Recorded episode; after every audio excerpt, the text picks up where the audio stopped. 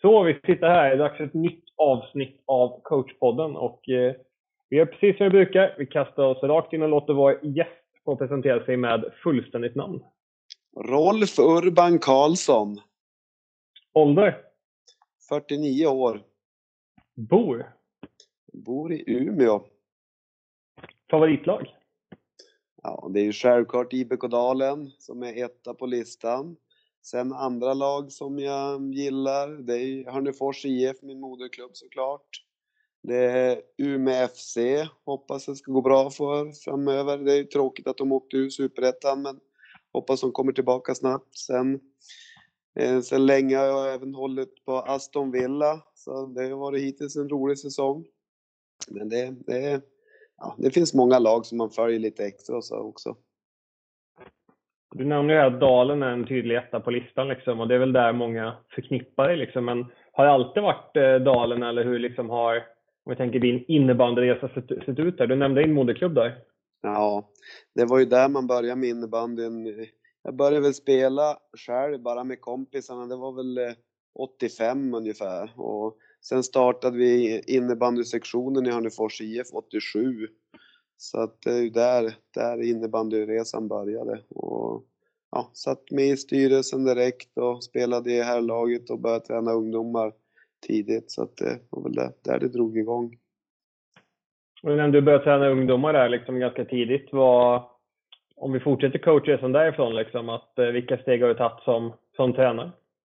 Ja, jag tränade i ungdomslag där. eller egentligen coachresan ska man väl säga att jag när jag var typ 14 så sa jag till min pappa, jag var 13-14, att ja, men jag kommer inte bli nog bra i hockey så jag vill bli hockeytränare. Så att, eh, då började jag gå tränarkurser i hockey och sen började jag träna Björklövens pojkar 79 samtidigt som jag höll på med innebandy. Så målsättningen var väl att jag skulle bli så bra hockeytränare som möjligt. Sen blev det mer och mer innebandy, innebandy gick bra, det var kul med det och Eh, innebandysektion växte i Hörnefors och ja, vi utvecklade vårat, våran förening och, och lag och så. Jag blev ganska tidigt spelande tränare också i, i A-laget då. Så det var väl där på den, den resan där det började. Om du får välja ut, eh, tänk igenom alla åren du har varit tränare nu, liksom, finns det någon favoritmatch som sticker ut lite extra? Liksom någon tänker tillbaka till så du känner att den här var liksom en av mina absoluta favoriter? Mm. Oj, det är så många matcher. Eh, jag pratade faktiskt med en kompis om det för ett tag sedan att det var intressant att se hur många matcher man har coachat och varit med på. Alltså det måste ju vara helt galet. Det är säkert upp mot 2000 matcher. Eh, men eh, om jag ska välja ut någon sådär så jag tycker det var en häftig resa när jag var med danska landslaget. Jag Hade ju dem från 95 till 02 och vi lyckas ju två gånger gå till VM-semifinal med ett härligt gäng och eh, jag kommer ihåg två speciella matcher för mig. Det var i Norge-VM där vi en match när vi ledde mot Sverige med 2-0 efter två perioder. Tyvärr förlorade vi matchen med 3-2. De gör 3-2 när det är tre minuter kvar. Eh, och, ja, det var ju givetvis det var spel mot ett mål, men vi hängde med dem så länge. Och, ja, det var en häftig match. Och sen när vi spelade oavgjort mot Norge i, i en annan, andra gruppsmatchen då och, och, tog oss till en semifinal, det tycker jag. Det var, det var, det var häftiga matcher, det var roligt med ett, med ett sånt härligt gäng också. Sen givetvis är det många matcher med Dalen man kommer ihåg. Eh, både när man har stått på läktaren och våndats och när man har stått på bänken och coachat också. Vilken skulle du säga är värst? Liksom? Att stå på läktaren när man inte kan påverka. Liksom. Men samtidigt kan man ju blunda och gömma sig lite mer. Och... det är mycket värre att stå på läktaren. Oj, oj, oj. Alltså jag har, jag har svårt för det alltså. Och, äh, man får hålla sig långt upp på läktaren och ibland får man bita sig i tungan känner man. Men, nej, men det, det, det, det är tufft att stå på läktaren. Jag förstår alla fans, hur jobbigt det är. Du nämnde ju Danmark här och det är ju liksom intressant att titta på andra länder och deras förutsättningar. hur såg förutsättningarna för landslagsinnebandyn ut där?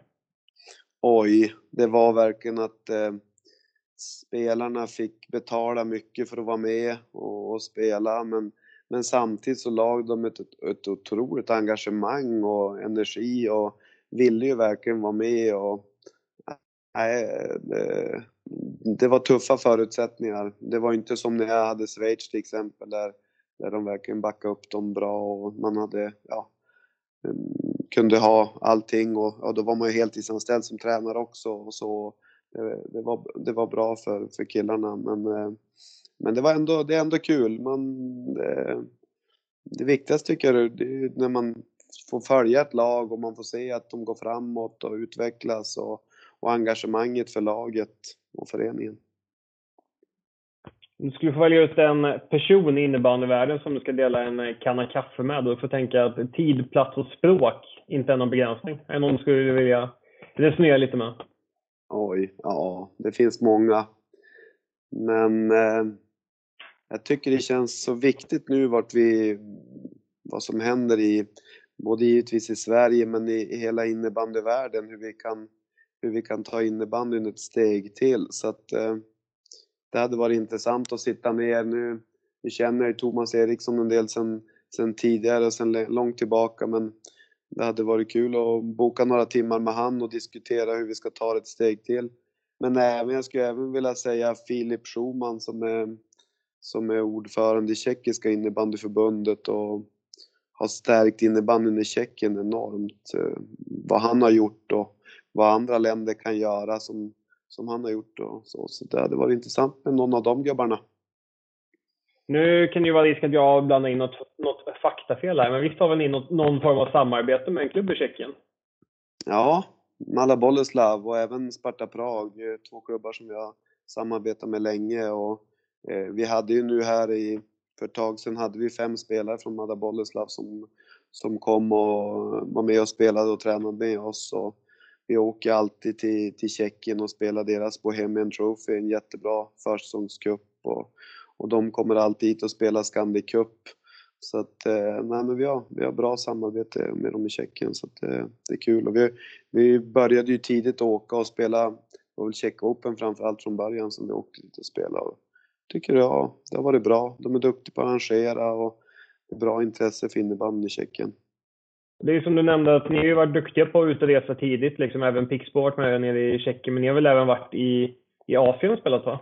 Ja, vi var där förra sommaren, så, eller inte nu i sommar som var, utan för då var vi där och spelade SG Open och vi var där två veckor med 30 personer, ett här och ett damlag och spelade och vi har ju faktiskt blivit delägare i en innebandyklubb där också. Äger en tredjedel av IBK Dalen Moose i, i Singapore som har både herrar och damer som ska försöka slåss om guldet när ligan kommer igång.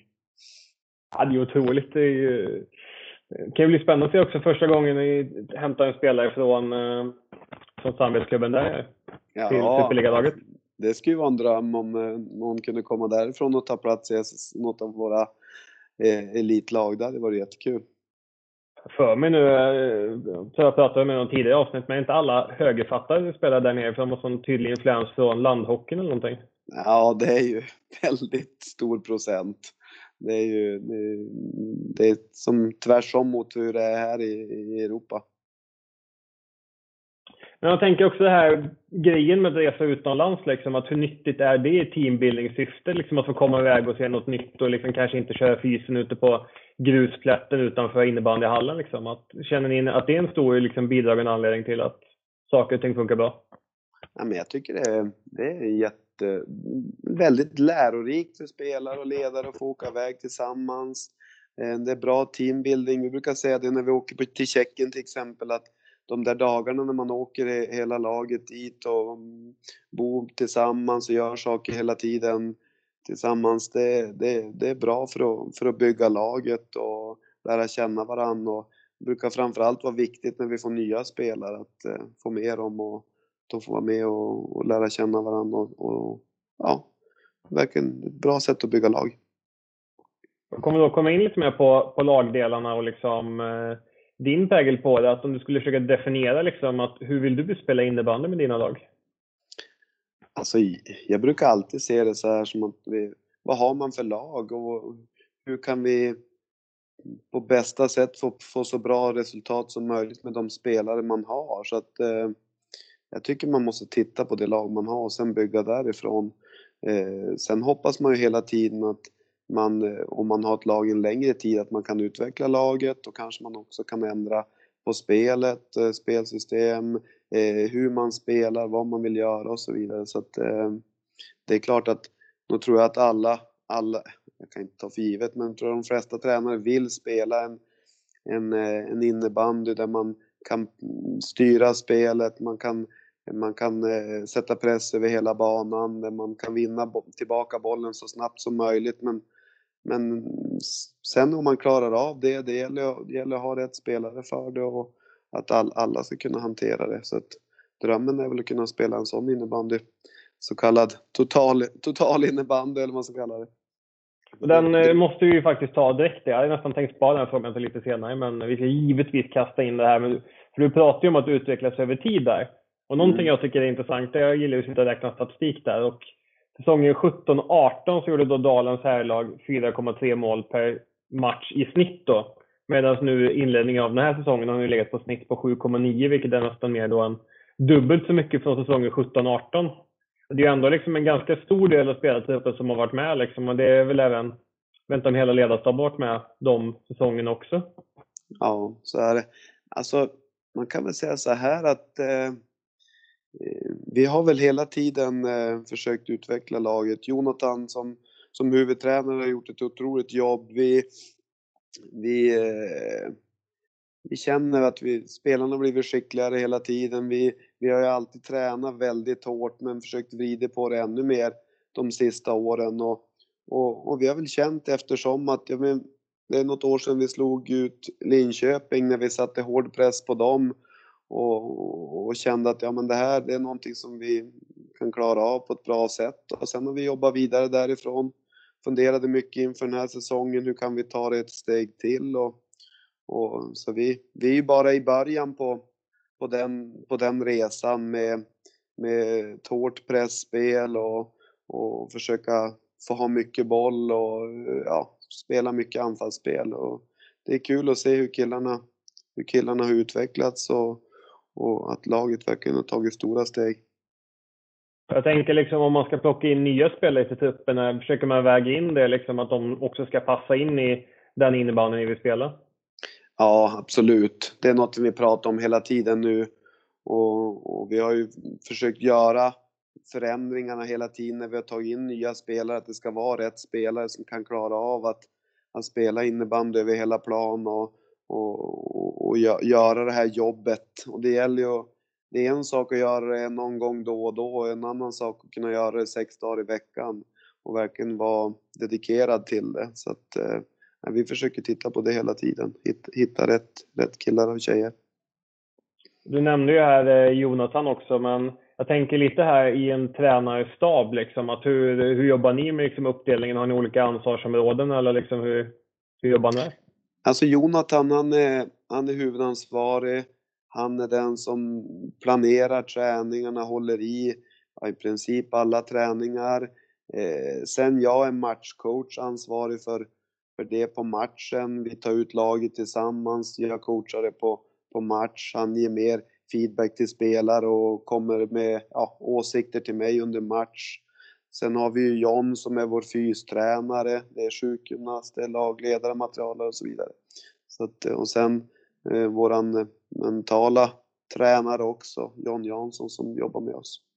Så att vi, vi är en bra ledarstab, bra mix och olika typer av människor som var bra för oss.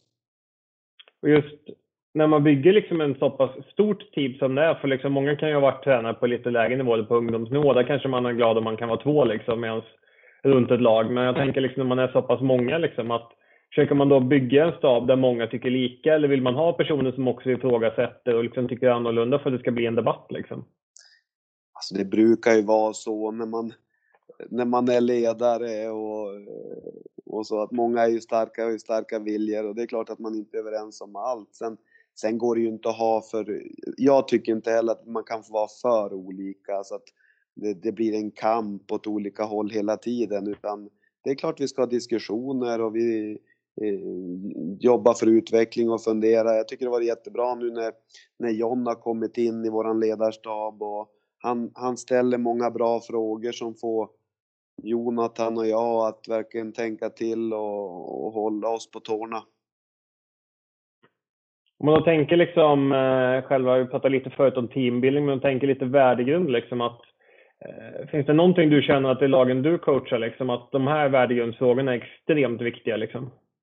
Alltså jag tror alla spelare som har haft mig som, som ledare eller tränare, de vet att jag, viktigast för mig är att alla verkligen, att man gör sitt bästa, man gör sitt yttersta för att, att hjälpa laget.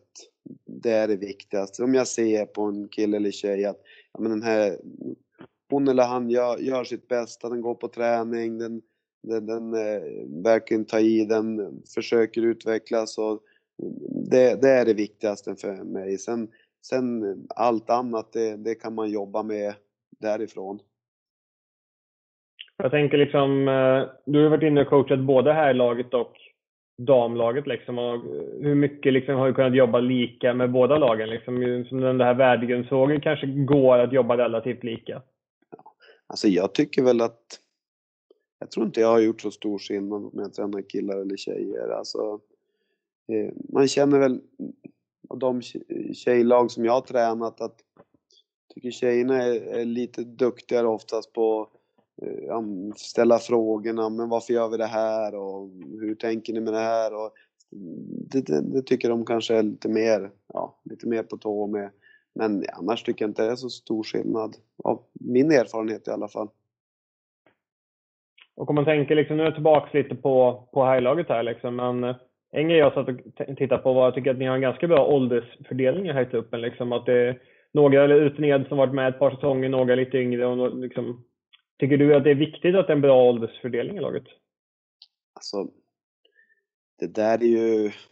Nu har vi verkligen fått ihop en supergrupp som, som kan, kan vara med och prestera på toppen av världens bästa liga i många år framöver om man om väljer att stanna och spela med oss. Så det är vi jätteglada för. Sen, det är lite grann som vilken stol man sitter på. Är, man som tränare så man jobbar ju med den trupp man har och ska göra det bästa av det. Därifrån, om jag hoppar över på min klubbchefstol så är det klart att ja, det är så här man vill ha det. Att eh, man har någon äldre spelare men sen är det många spelare som är i en bra, bra ålder nu både för att utvecklas ännu mer och för att, för att prestera på topp. Vi har ju många spelare som är, tycker jag, landslagsspelare eller på gränsen till landslaget och vi har många spelare som, som är på väg uppåt så att eh, vi är verkligen nöjda med, med det lag som vi jobbar med nu. Och om man tänker då liksom att, eh, jag stannar kvar lite vid den här åldersfrågorna eh, liksom, men om man tänker liksom att man har en ung och lovande liksom, spelare som kanske står just på gränsen till att ta en plats i här laget, att hur behöver man jobba med dem för att de ska liksom stärkas och kunna liksom utvecklas och ta nästa steg liksom? Ja, men det gäller ju att, eh, att se dem, prata med dem, eh, tala om vad man förväntar sig av dem, pusha dem, men verkligen hjälpa dem att driva sin utveckling framåt. Och, och det är någonting som, som jag tycker har varit genom åren ett väldigt bra klimat i våran, i våran förening om att, få spelare att eh, komma till oss och kanske ta steget från att vara i grunden en division 1-spelare till att bli en vass SSL-spelare. Det, vi, vi, har, vi har bra träningar, vi har bra personer i föreningen som är duktiga på att se, se de nya killarna och tjejerna som kommer till oss. Och, jag tror alla, alla killar och tjejer trivs i dalen och då, då är det lätt att eh, ja, ta, ta steg framåt. Och om man tänker då liksom motsatt förhållande, liksom om man har spelare som har varit med ganska många säsonger och liksom eh, eh, klassas som till och med rutinerad. Liksom. Att hur jobbar man med dem för att de ska fortsätta hålla motivationen hög och liksom viljan att träna? Alltså motivationen, det är klart att man, man är med och stöttar och peppar och så, men, men i grunden så måste varje enskild spelare ha den motivationen och viljan. Man måste ha en vilja att jag vill spela med Dalen jag vill satsa på att bli bäst. Alltså det, det måste man ha själv. Sen kan man få stöttning och peppning givetvis. Men, men har man inte det då, eh, då ska man byta klubb. Eh, är man inte laddad eh, nog laddad och är beredd att lägga ner den tiden och allt, då, då, då är det bättre att man lämna våra, våra elitlag. Man kan vara kvar i dalen och spela i ett lag lägre ner eller ja, vara kvar i förening på något sätt. Så givetvis, det, det är inget snack om med det. Men, men man ska inte vara kvar i något av våra elitlag om man inte är nog driven. Och du nämnde här att ni har lite övriga spelmiljöer. Liksom, att hur ser det ut i föreningen? Med, liksom, jag vet att det finns ett division 1-lag. Vi hade ju med Mattias Wallgren här i något tidigare avsnitt. Men eh, hur ser det ut liksom, med seniormiljöer? Alltså på herrsidan så är det ju då IBK Dalen i SSL, det är IBF Dalen i division 1, det är IBS Dalen i, division 2 och så sen så har vi givetvis eh, JAS och utvecklingslag och så. Och på damsidan så har vi nu två, två allsvenska lag, IBK Dalen och IBF Dalen, där vi satsar hårdast på IBK. Vi vill få tillbaka dem till SSL så fort vi bara kan. Och sen så IBF är ju ett stabilt allsvenskt lag som också tränar hårt och så. Och sen har vi ett eh, division 1-lag i Bästdalen. Så att, och sen JAS och utveckling. Så det är så, så det ser ut. Och det är väl totalt i föreningen är väl ungefär en, ja, kanske 800 aktiva. Ja, det är ganska fina siffror. Ja, ja det är bra. Det är vi stolta över.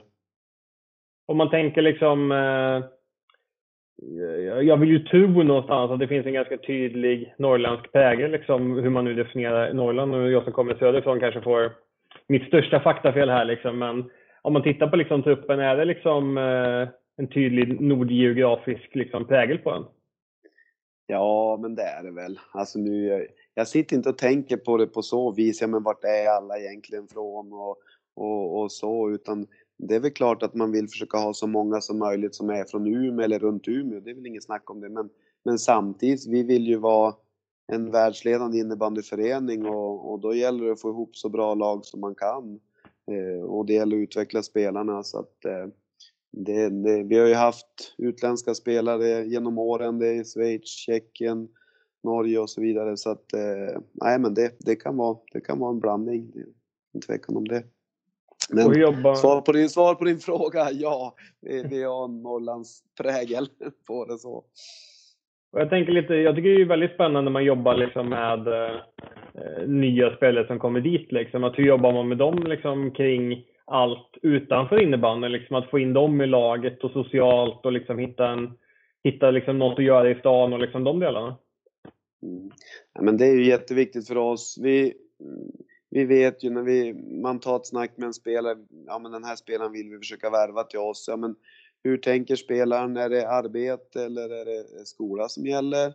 Och så när man vet det då, då försöker man ju stötta i det då.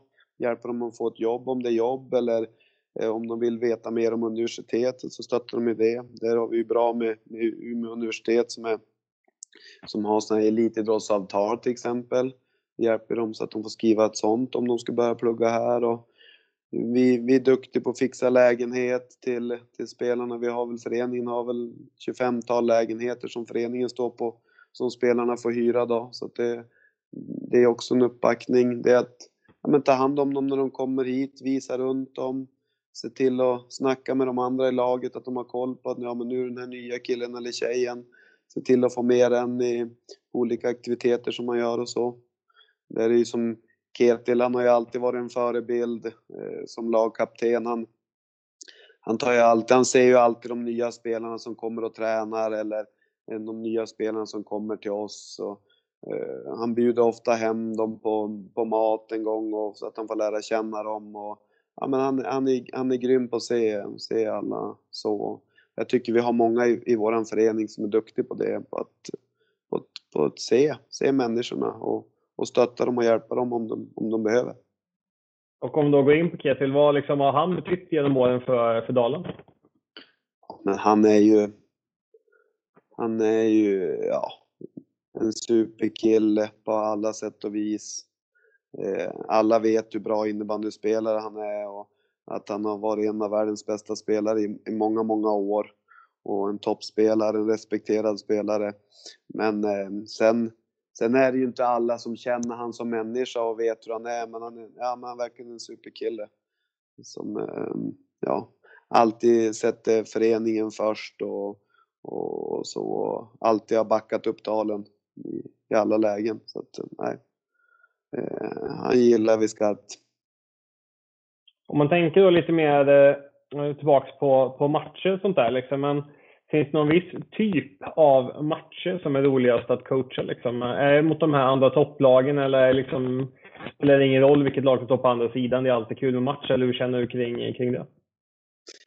Men eh, jämna matcher, det är väl det som är det viktigaste tycker jag för att det ska vara alltså, kul så. Det, det är klart det är roligt att vinna någon match man får vinna klart och gå ifrån så, men som, som matchcoach så älskar man ju de där jämna matcherna. Där, det gäller att vara på tå och se till att eh, motivera killarna att prestera på topp och ha inne rätt gubbar och göra allt det där. Verkligen försöka maximera det på bästa sätt. Så att, eh, nej men jag säger mot, eh, mot andra topplag, jämna matcher, det, det är de roligaste matcherna. Och givetvis slutspelsmatcher och så vidare. Finns det någon match i år liksom, i den här säsongen som du känner att eh, du är lite extra nöjd med? Alltså ja, jag tycker det har varit flera matcher som har varit, som har varit mm, bra, som där vi har gjort stora delar bra matcherna. Jag tycker till exempel andra och tredje perioden borta mot Falun gör vi bra. Jag tycker första mm, delen av matchen nu mot, eh, mot Mullsjö eh, gör vi riktigt bra. Alltså jag tycker det har varit en match, borta match mot Jönköping. Jag, men jag tycker det varit eh, många roliga matcher och vi, vi går åt rätt håll hela tiden. Finns det någon match du ser lite extra mycket fram emot att de här vill du liksom möta igen eller att de här vill, har ni inte mött än och de vill du få tävla mot? Nej men det är ju de topplagen. Det är de, det är de som är roligast att, att möta och det är där man vill prestera och, och, visa, visa våran bästa innebandy. Det ska bli kul att möta Storvreta på söndag till exempel. Vi, eh, ja, men det är många, många matcher här framöver som jag ser fram emot. Falun är alltid kul att, att möta. Jag tycker de spelar bra. Brottman har gjort ett otroligt jobb med dem. Eh, och, nej, men det är många intressanta matcher.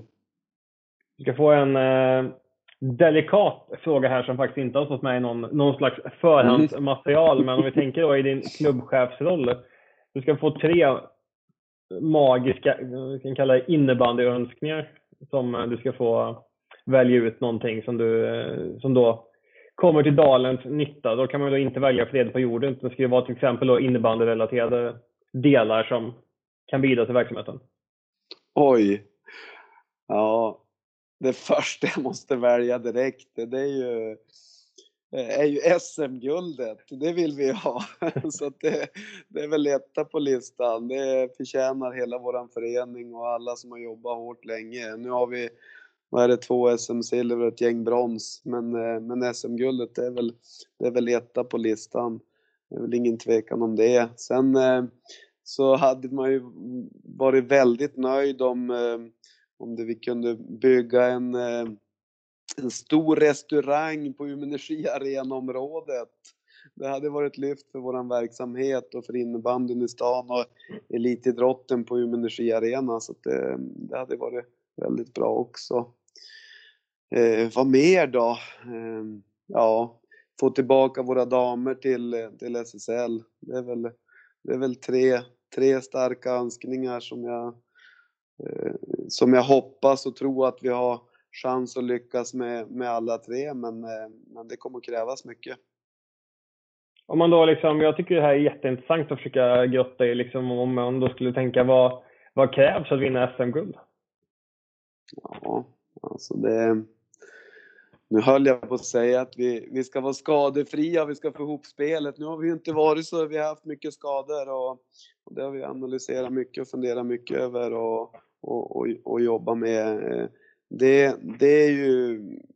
Jag har svårt att se att det är något av, av topplagen som, som kommer att vinna SM-guld med flera skadade. Det tror jag, går man tillbaka i historiken så, så, så är det svårt att se att det är någon som har, som har gjort det. Det, det är nog sällsynt. Så att, eh, det gäller att få ihop, få ihop laget givetvis. Det gäller att vi ska prestera på topp här i slutet av säsongen och göra våra bästa matcher. Eh, den här andra, andra delen på säsongen. Så att, eh, vi känner väl att vi, vi kan slå alla. Vi, vi är inte favoriter, det är vi inte, men vi känner att vi kan, kan slå alla och vi ska försöka prestera verkligen max här nu, andra halvan. Nu vet inte jag, nu är det återigen risk för faktafel här, men jag tänker i mm. kvartsfinalserien, det är väl fortfarande så att topp 4-lagen får välja vem de vill möta i kvartsfinal va? Ja, visst är det så. Jo, jo men det är väl så i år också. jag kan ju skylla på att jag aldrig, jag har aldrig varit i ett slutspel i SSL och coachat sånt lag, så jag har aldrig mm. behövt stå inför det valet. Men jag tänker liksom, ni som har en geografi som är lite utmanande, att om man är i Mellansverige så kanske liksom det spelar mindre roll om man till exempel Pixbo för Linköping eller Mullsjö, liksom rent reseaspekten. Då kanske man bara går på det sportsliga. Hur tänker ni? Finns det någon reseaspekt med i ett sånt val om ni sitter i en position att ni får välja? Nej, alltså vi kommer inte att välja någonting på grund av resor. Vi, vi har långa resor vilka vi än möter. Vi, Thorengruppen kommer inte att gå till slutspel med deras herrar i år så att eh, då, vi, vi behöver, kommer vi topp tre så kommer inte vi att fundera på om, hur resorna är utan vi, vi kommer att välja, välja det lag som, som vi tror vi har störst chans att, att, att slå ut. Så att eh, nej, nej det, det har vi inga planer på. Teoretisk fråga då, om ni hade blivit etta och treengruppen hade löst en mirakulös åttonde plats där. Vi, vi leker med scenariot, hade ni valt dem då för att slippa resorna i? Självklart hade vi valt Torén då. Det är inget snack om det. Vi, man, eh, nej men det hade ju varit hur kul som helst att få slå ut dem i en kvartsfinal och ha fulla läktare. Det hade varit grymt kul. Jag tycker det är lite spännande här, liksom det här med tydliga antagonister eller så, liksom att på, på damsidan har det ju liksom eh, varit jättemånga fina arrangemang mellan X och Dalen och man ser varit mycket mm. publik i arenan och liksom, ni har väl även varit i samma arrangemang de matcherna? Eh, ja, vi har gjort många sådana matcher tillsammans. Eh, och det, det, jag tycker det funkar bra. Hur nyttigt är det då att ha en sån där tydlig antagonist liksom? Att kunna tävla mot eller ha derbyn mot? Jag vet inte hur viktigt det är. Alltså, jag tror om, om man frågar våra killar i, i laget så ser de mest fram emot matcherna mot, eh, ja men som Falun, Storvreta, de här topplagen. Eh, visst, det är kul med derbyn, men, eh, men det är ju som lite speciellt att, att försöka slåss om topplaceringarna och utmana de lagen. Så att, eh, jag vet inte, jag vet inte hur viktigt det är. Det är klart det, det är kul med derbyn och tycker det var eh, väldigt skoj förut när Umeå City var i högsta serien, man hade derby mot dem. Jag tycker det var kul när jag, man, på damsidan, när det Iksuedalen, så att nej men det, det, det är väl alltid roligt med derbyn, men det, det är svårt att värdera kontra andra matcher också. Vi ska ta oss vidare här till, eh, vi ska få svara på ett gäng snabba, spontana frågor. Eh, och då vill du ha ett impulsivt svar. Mm. Känner du beredd? Ja. Då är första frågan då, träning eller match? Match. Fysträning eller videoanalys? Fysträning. Powerplay eller boxplay? Ja, boxplay. Det, det skulle i alla fall killarna säga. Det, jag älskar att hetsa i boxplayen och pepp, peppa dem och försöka stoppa powerplayet. Skott eller passning? Skott. Kaffet innan match eller tuggummi under matchen? Alltså, sorry, inget av dem. Inget jag dricker alls, inte det... kaffe och jag tuggummi, nej, det, det, är ingenting heller. Så att, nej, jag skippar båda. Du kan ändå se dig själv i spegeln och kalla dig innebandytränare. Exakt. Ja, nej, skämt åsido. Jag kan köpa tuggummit under. Det är, många brukar säga kaffet där, men tuggummi, jag tycker det kan bli en jäkla stressfaktor om man skulle stå och tugga tuggummi under matchen. Liksom. Slutar man ju tugga käken ur led. Ja, jag skulle nog svälja fel också. Eh, nej. Jag tyckte det var intressant den här eh, fysträning eller videoanalys liksom. Eh, mm. Du, du, du valde ju fysträning här, men liksom, är det roligare att stå i spåret och liksom eh, elda på dem eller liksom? Nej, alltså det är väl, jag tycker det är kul när man, när man jobbar ihop i ett lag och alla tar i och man krigar tillsammans och det där. Det, det tycker jag är härligt. Sen, sen tycker jag det är jätteskoj. Jonathan han är grym på att göra eh, fina videoanalyser och gå igenom och ja, det, det är suveränt. Och, eh, så att det, det tycker jag också är, det är en höjdare. Så att, nej, men jag tvingas ju välja där och då gillar jag den där energin i ett lag när man verkligen tränar hårt och kör tillsammans. Det var ett välmotiverat svar. Jag har en liten eh, bonusfråga här. Eh, kanske inte så innebandy specifik, men vilken är Umeås bästa pizzeria? Oj! Den frågan skulle du egentligen ha ställt till Ketil Kromer tycker jag. Alltså han, eh, han känner ju de flesta pizzabagarna här i stan så att eh, jag vet inte. Eh, Tegs pizzeria och grill kanske de är bra med. Jag vet inte. Jag tycker det Nej, jag föredrar ju att käka på droskan på luncherna så att jag får nog välja bort de där pizzerierna. Får, får rekommendera droskan istället.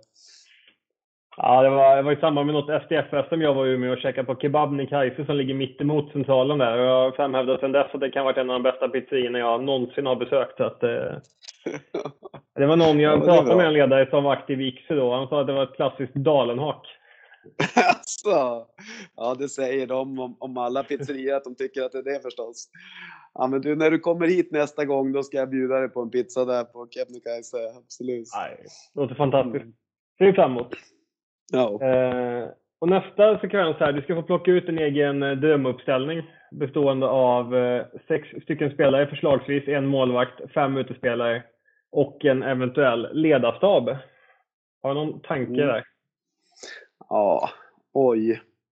Alltså jag, jag funderade lite grann på det där innan och tänkte, ja, men hur ser man på det här med landslagsspelare som jag haft? Men eh, jag kände väl att eh, jag, jag skippar landslagstänket. Jag är många spelare i, ja, men som i danska landslaget som jag hade med bröderna Andersen och Kasper Schint och Henrik Jensen och Kenneth Bork och dem. Det, det tycker jag var det härliga killar och schweizarna med bröderna Hofbauer och Mark Dysle och så. Och, och givetvis Ketil i Norge. Men nej, vi skippar landslagstänket. Jag går helt på, på Dalen-tänket och, och en Dalen-uppställning, en, dröm, en, en drömuppställning.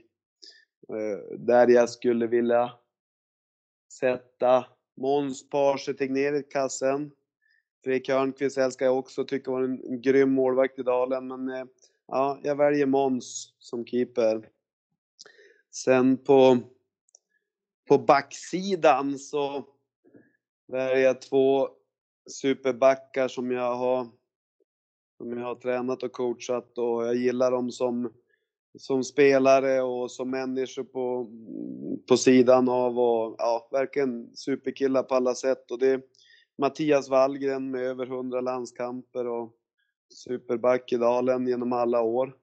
Och det är Gustav Forsberg som även var Spelar landslaget, vunnit VM-guld och gjort det enormt bra i dalen. Han har väl världens längsta klubba också. De två där bak då, då behöver vi, då behöver vi bara ha två backar och Måns där bak så kommer det att funka bra. Eh, sen eh, framåt då, en kedja där eh, eh hård konkurrens om platserna, men på, på centersidan väljer jag Ketil Kronberg. Ehm, jag skulle säga Dalens bästa spelare genom alla tider. Ehm, han, eh, ja, han är verkligen en superkille på, på alla sätt och vis. Bra framåt, gör mycket poäng, enormt stark defensivt. Ja, en, en supercenter som givetvis kan spela forward också. Men i den, i den här uppställningen så håller vi han på centerpositionen. Eh, sen framåt då, den som har gjort mest poäng i, i Dalen-tröjan genom alla tider. Eh, Peder Bodén, härlig lirare. Eh, gjort enormt mycket match med Dalen. Fin teknik, bra skott. Skulle vara fin att ha i powerplay och ja, ja en grym kille som också älskar Dalen. Så att eh, han gillar vi. Eh, och sen på högerforwarden så, så måste jag ju få med en kille från min moderklubb. Så det blir Daniel Marklund, eh, högerforward som, eh, som har gjort otroligt mycket bra i Dalen, Dalen-tröjan också, spelar landslaget som, som alla de här killarna varit med i landslaget också. Stor, snabb kille som eh, ja, kan bryta igenom, som kan skapa utrymme för andra och ja, Ketil och Peder ska göra mycket poäng med, med uppbackning av Daniel. Om vi tänker ledarskapsmässigt där, skulle du vilja ha någon coach där eller tar du den själv? Alltså det är klart att jag vill coacha de här killarna, det är väl inget snack om det. Eh, det skulle vara bra, bra snack på sidan om också, på bussresorna och eh, på matcherna och allting. Så det är klart att man gärna coachar de här grabbarna. Och det får ju bli Jonathan som tränar dem då också, så kan jag så hetsa på dem på, på träning och match. Nej, men låter som en eh, formidabel uppställning med mycket, mycket kvalitet och handledare. Ja, verkligen. Och eh, med det sagt så skickar vi ett eh, stort tack till Urban för att du har medverkat i coachpodden och vi önskar ett stort lycka till i resterande del av säsongen. Ja, men tack och bra jobbat och lycka till framöver för dig också.